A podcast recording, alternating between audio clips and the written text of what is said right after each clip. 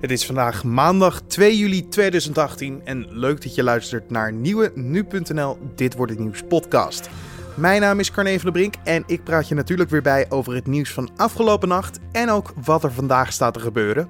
En in deze podcast praten we over het bezoek van Mark Rutte aan het huis van de Amerikaanse president Donald Trump. Nou ja, weet je, het grote probleem is voor Rutte hè, dat, uh, dat dit de meest onvoorspelbare Amerikaanse president is ja, misschien wel uit de hele Amerikaanse geschiedenis. En vandaag is de start van de 132e Wimbledon Championship. Maar eerst kijken we kort terug naar het belangrijkste nieuws van afgelopen nacht. De Duitse minister van Binnenlandse Zaken, Horst Seehofer, heeft zonder gedreigd zijn ontslag aan te bieden. Ook zou hij willen terugtreden als partijvoorzitter voor de coalitiepartij CSU. Seehofer is het niet eens met het akkoord dat bondskanselier Angela Merkel afgelopen zaterdag sloot met de EU-leiders over de migratieproblematiek. Binnenkort hebben de coalitiepartijen CDU en CSU overleg over het akkoord. En de uitkomst daarvan is bepalend of Seehofer opstapt. De bonden en de werkgevers in het streekvervoer hebben afspraken gemaakt over de CAO. FNV, CNV en de Vereniging Werkgevers Openbaar Vervoer hebben dit laten weten. De bonden eisten een loonsverhoging van 3,5%, maatregelen om de werkdruk te verminderen en meer pauzes. De bonden leggen het onderhandelingsresultaat nog voor aan hun leden, maar door de overeenkomst zijn de aangekondigde stakingen opgeschort. Andrés Manuel López Obrador heeft volgens de eerste exit polls de presidentsverkiezingen in Mexico gewonnen. De socialist heeft volgens onderzoeksbureau Parametria tussen de 53 en 59 procent van de stemmen gekregen. Zijn grootste concurrent Ricardo Anaya moet het doen met 19 tot 25 procent. Obrador heeft de overwinning nog niet opgeëist. En dan kijken we naar de dag van vandaag, oftewel dit wordt het nieuws. Premier Mark Rutte zal vandaag op de koffie gaan op een hele speciale locatie, namelijk bij het Witte Huis en voor een gesprek met de Amerikaanse president Donald Trump. Wat gaat er besproken worden en hoe zal de verhouding tussen Rutte en Trump eruit gaan zien? Om de verwachtingen te peilen belden we met Amerika-deskundige Willem Post. Nou ja, weet je, het grote probleem is voor Rutte hè, dat, uh, dat dit de meest onvoorspelbare Amerikaanse president is ja, misschien wel uit de hele Amerikaanse geschiedenis. Hè. Dus dat, dat is heel lastig.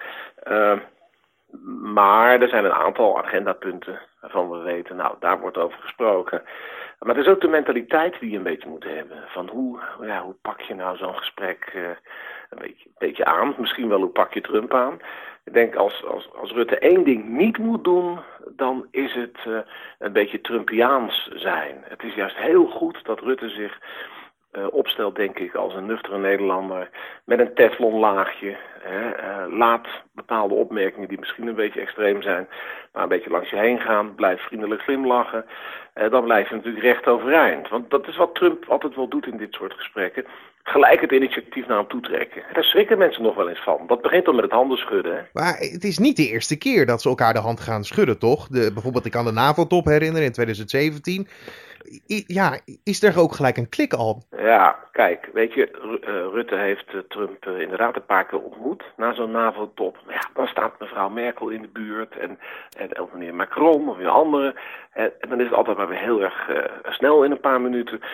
Ja, kijk, nu heb je een uur de tijd schuiven ook wat Nederlandse zaken mensen aan. Hè. Uh, uh, maar goed, dan heb je toch het contact met de Amerikaanse president. Ja, en weet je, uh, het is hartstikke belangrijk bij wat dan toch een, een, een eerste echt kennismakingsbezoek is, ja, dat je iets van een, van een positieve relatie probeert te ontwikkelen. Dat, dat is hartstikke belangrijk, want er staat echt wel veel op de agenda wat hartstikke belangrijk is. Nou, neem bijvoorbeeld ja, de, de, de, padstelling als het gaat over de invoerrechten. Het is te gek voor woorden natuurlijk, maar we bestoken elkaar met, met invoerrechten. En de Amerikanen ons en, en, en wij Europeanen proberen de Amerikanen dan weer een beetje terug te pakken. Er is geen contact meer. President Tusk van de Europese Raad, ja, die is ook heel erg boos. En mevrouw Merkel is boos. En Trump is boos. Dus dat biedt wel, gek genoeg, een beetje ruimte aan iemand als Rutte een beetje de last man standing in Europe, om het toch maar een beetje Trumpiaans te zeggen. Een zeer ervaren regeringsleider. Hè. Ik bedoel, dat wij nuchtere Nederlanders moeten dat ook maar eens even zien. Als iemand, zou ik toch zo zeggen, het een beetje kan losfrikken, met de nadruk op een beetje, dat de gesprekken weer op gang komen. Dat het wel verstandig is om door te gaan met dat heffen van die invoerrechten. Ja, dan, als ik heel Europa rondkijk, vanuit een soort helikopterview, als je dat probeert, dan kom ik toch echt op die Nederlander Mark Rutte uit. Dus Rutte heeft heel slim zelf gezegd vrijdag van nou, ik verwacht niks van het gesprek, want Macron is er niet in geslaagd en Merkel ook niet. Dat is slim, hè? je legt de lat laag. Maar misschien bereikt hij dan toch wel iets. In ieder geval een gesprek, dat is al, een, ja, dat is al winst.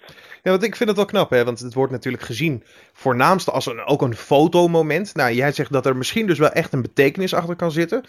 Uh, maar we weten nog niet hoe bijvoorbeeld Rutte over heel Amerika en Trump denkt. Hij heeft wel uh, een, van zijn acties als lomp beschreven. Is daar zicht op misschien, hoe Rutte tegenover Trump en zijn Amerika kijkt? Ja, kijk, Rutte is uh, van origine historicus. Hij is even in zijn algemeenheid zo dol op Amerika. En dat heeft hij vaak genoeg gezegd. Hij heeft ook in zijn kinderjaren nou die westerns gekeken van John Wayne. Nou, nu ontmoet hij een politieke John Wayne in het, in het Witte Huis. Hè? Ja. Nee, hij is ook een man die... Ja, van hem mag je verwachten dat hij ook een beetje begrijpt hoe dat Amerika in elkaar steekt qua mentaliteit waar Trump voor opkomt. Zeg maar dat wat meer lege land achter die kustvlaktes van New York en San Francisco en de Rocky Mountains. Dat hele middenstuk en het zuiden. Ja, en dat, dat Rutte, het is een heel andere wereld, maar daar een beetje feeling voor heeft. En de kunst is denk ik dat Rutte Trump ook een beetje paait.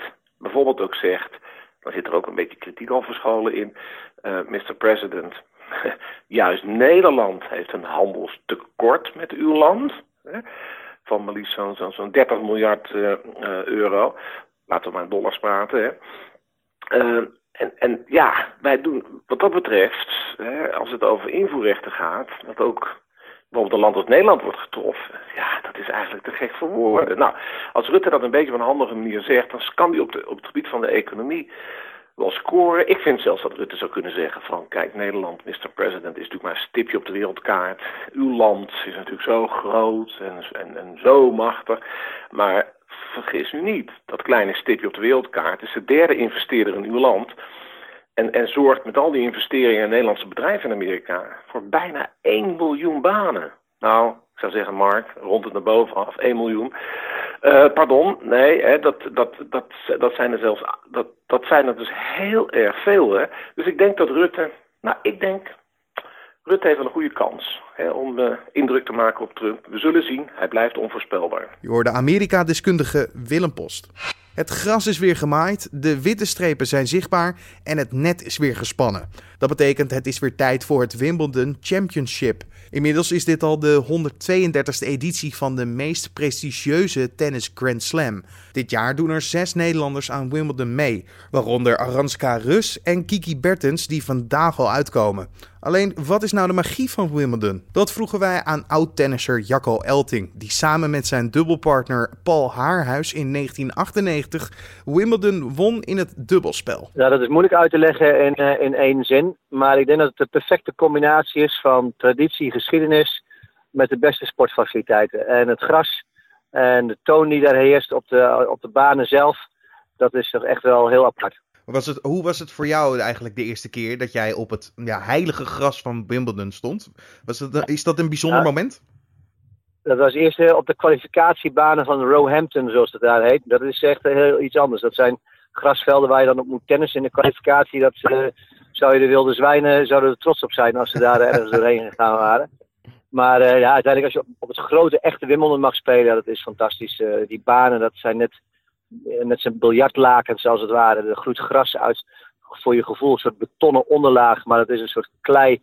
Uh, en als je dan daarop staat en, en ja, hoe dat voelt en uh, hoe die bal stuit. En ja, dat is, dat is gewoon, ja, ik vond het zelf altijd heerlijk. Ik was er altijd ontzettend graag. Ja. Ik ben nog steeds ontzettend graag. Nou ja, en uh, zo graag dat je zelfs in 1998 natuurlijk de grote winnaar samen met je mede-dubbelspeler was Paul Haarhuis. Eh, in het dubbelspel. Eh, dat is dit jaar eigenlijk precies 20 jaar geleden. Hoe, hoe kijk je nou terug op die overwinning? Ja, dat laatste dat 20 jaar geleden was, dat had je er niet bij hoeven zeggen. Maar uh, weet je meteen hoe oud je bent geworden ondertussen. Maar dat was natuurlijk fantastisch. Dat is sportief gezien een van de mooiste momenten in mijn leven geweest. Ik had uh, aangekondigd dat ik ging stoppen sowieso aan het einde van het jaar. Dat was mijn, daar ook mijn laatste kans om het samen met Paul te flikken. En ja, we zouden daarmee ook het eerste team in de geschiedenis van onze sport zijn die alle Grand Slams als duo zou winnen. En ja, dat was toch wel mooi. En uiteindelijk speelden we dan tegen die twee Australiërs waar we vaak tegen moesten, de Hoodies.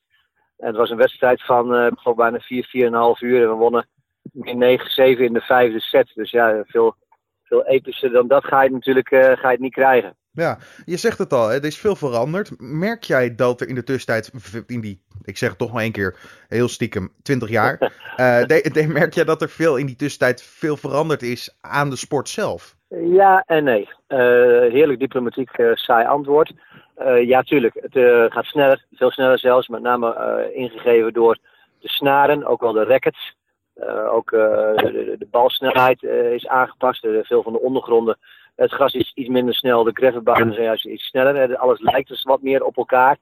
Ehm, de, de, fitness van de spelers, de absolute fitness, moet natuurlijk ook hoger zijn op het moment zelf. Ik denk alleen dat in de kern er niet, niets veranderd is. Ik denk dat de spelers die in die tijd goed speelden, die hadden nu makkelijk meegekund. Sterker nog, ik denk dat de meeste spelers van die tijd nu beter hadden meegekund. Omdat ik vind dat de mentale vaardigheden van veel spelers uh, en ook uh, zeg maar de oplossingen die ze kunnen zoeken en daarmee ook het slagenarsenaal. Dat dat in mijn ogen niet veel rijker is geworden. Kijk, uh, Federer is natuurlijk nog steeds ja, de meest begenadigde ooit, bijna zou je zeggen. Ja. Maar daaromheen vind ik het veel meer eenheidsworst geworden. En daardoor niet altijd attractiever om naar te kijken. En ook weinig spelers zijn in staat om een, eh, een plan B eh, uit de tas te halen. Uh, op wie moeten we gaan letten tijdens deze, uh, ja, tijdens deze Wimbledon Championship? Heb jij een aantal favoriete enkelspelers, dubbelspelers waarvan je denkt, nou dit zijn echt magistrale mensen? Daar moet je op letten. Nou ja, de, één naam kan je zelf invullen. Ik denk dat, je natuurlijk Federer. Ik wou het net zeggen, inderdaad. Ja, nee, ben ik met je ja, denk ik. Kijk, eh, bij Grand Slams en zeker bij Wimbledon, dat, dat klinkt gewoon heel direct, dan moet je gewoon kijken naar uh, de topspelers. Uh, dus het is zelden dat daar uiteindelijk iemand onbekend of lager rangschikt er met de titel van doorgaat. dat is gewoon echt vaak de topspelers. Hoewel bij de dames in mijn ogen veel meer open is. maar bijvoorbeeld Kvitova die laatst tijd weer heel goed aan het spelen is. En die natuurlijk ook al eerder Wimbledon gewonnen heeft. dat is natuurlijk echt iemand die dat heeft laten zien. Serena Williams natuurlijk ja, hoe fit ze ook is. En die is altijd natuurlijk iemand die Wimbledon kan winnen. Ja. Uh, en verder zijn er heel veel dames die gelijkwaardig zijn. Waarbij Halep op gras niet haar meest favoriete ondergrond is.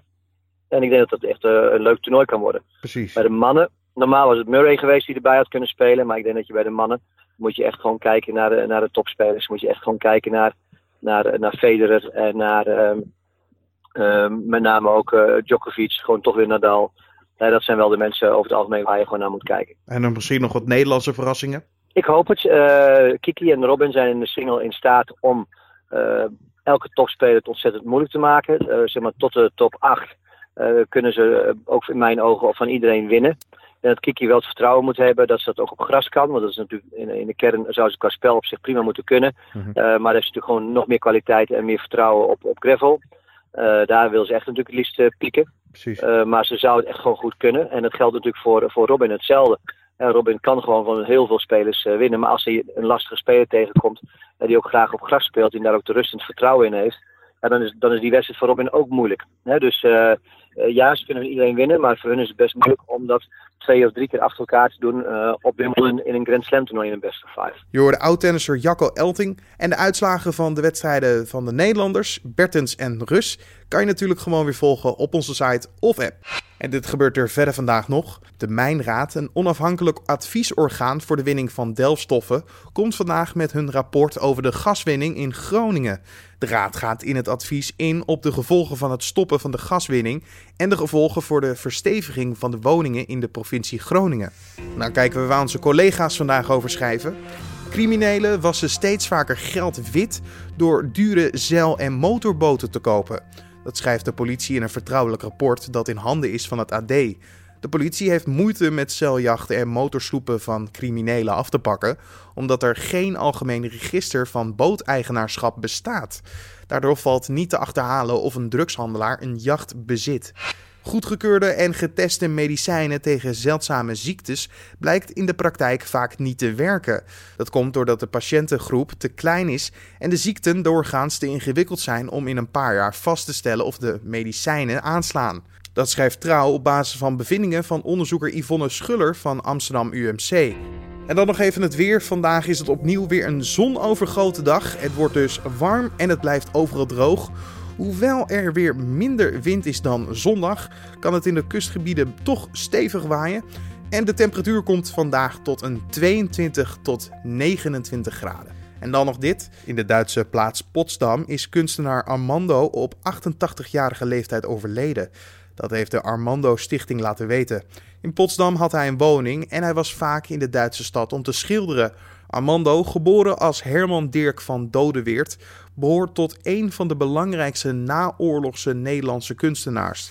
Dit was dan de Dit wordt het nieuws podcast voor deze maandag 2 juli. Je vindt deze podcast natuurlijk elke maandag tot en met vrijdag op de voorpagina van nu.nl of je desbetreffende podcast-app zoals iTunes, Spotify, ehm, Google Podcast en Pocketcast. Er zijn er genoeg en gebruik ze vooral. Het is alleen maar fijn om het allemaal overzichtelijk op je mobiel te hebben.